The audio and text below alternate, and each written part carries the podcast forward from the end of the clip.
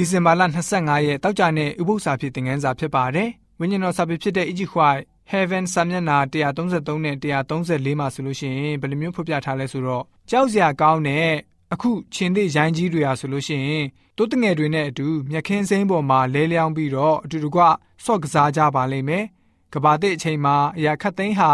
ငင်းချမ်းညီညွတ်မှုနဲ့ပေါင်းစည်းနေထိုင်ကြမှာဖြစ်ပါတယ်။ကဘာတက်မှာရှိတဲ့တစ်ပင်တွေဟာကောက်ကွေးပူညက်ပြီးတော့ ပုံမကြပန်းမကြဆိုတာမရှိပါဘူး။ဖြောက်တန်းကြော့ရှင်းနေမှာဖြစ်ပါတယ်။ကြည်လင်တောက်ပတဲ့ဖန်ရီကန်စိမ့်လန်းဆူပြေတဲ့မြက်ခင်းကွင်းမြင်ရင်းရွက်နေတဲ့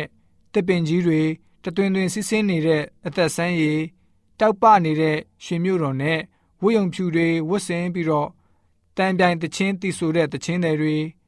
ကောင်းကင်အိမ်တော်မှာအပြိုင်လှပနေကြမှာဖြစ်ပါတယ်။အဲ့ဒီတင့်တယ်လှပပုံကို ဘယ်ပကြီးဆရာကမှမချေတနိုင်ပါဘူး။ဘယ်စကားပြောကောင်းတဲ့သူတူတယောက်မှလည်းပဲအဲ့ဒီအကြောင်းအရာကိုမပြောပြနိုင်ပါဘူး။ကဲတင်ချင်းအစုအဝေးထဲပါဝင်နေတဲ့သူတွေရဲ့ကောင်းကင်အိမ်တော်အကြောင်းကိုကျွန်တော်တို့အာယုံလေးနဲ့ခံမှန်းပြီးတော့စိတ်ကူးရင်ကြည့်လိုက်ပါ။သင်ရဲ့အာယုံစိတ်ကူးတွေကထက်ပိုပြီးတော့ตาရတဲ့ပိုပြီးတော့လှပတင့်တယ်မယ်ဆိုတဲ့အကြောင်းကိုပုံဖော်သိရှိဖို့ဖြစ်ပါတယ်ဆိုပြီးတော့ဝိညာဉ်တော်စာပေကဖော်ပြလိုထားပါတယ်ဆက်လက်ပြီးတော့ဝိညာဉ်တော်စာပေဖြစ်တဲ့ Egypt White The Great Controversy စာမျက်နှာ684နဲ့685မှာဆိုလို့ရှိရင်ဘယ်လိုမျိုးဖော်ပြထားလဲဆိုတော့အနာဂတ်အမွေအဖြစ်ဝင်စားရရှိမဲ့အိမ်တော်ကိုအစစ်အမှန်သိရှိမြင်တွေ့နိုင်ဖို့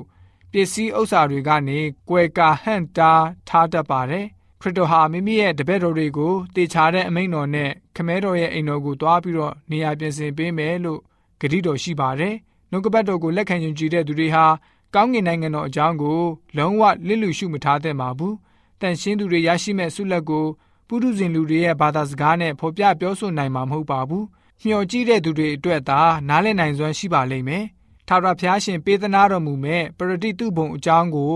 လူရဲ့ဉာဏ်နဲ့တွေးခေါ်ပုံဖော်လို့မရနိုင်တာကတော့အမှန်ပဲဖြစ်ပါတယ်ဆိုပြီးတော့ဝိညာဉ်တော်စာပေဖော်ပြချက်များအပြင်တောက်ကြနေဥပု္ပ္ပစာပြေသင်ခန်းစာကဖော်ပြပေးထားပါတယ်။ ဥပု္ပ္ပစာပြေသင်ခန်းစာ73ကတော့ဒီလောက်ပဲဖြစ်ပါတယ်ဥပု္ပ္ပစာပြေအစီအစဉ်တစ်ဆက်သူကျွန်တော်ဆက်ဆောက်ပါကျမ်းနာတော်သူရောက်စီတိုင်းဝิญဉ်ခွန်အားနဲ့ပြေဝကြပါစေကျေးဇူးတင်ပါတယ်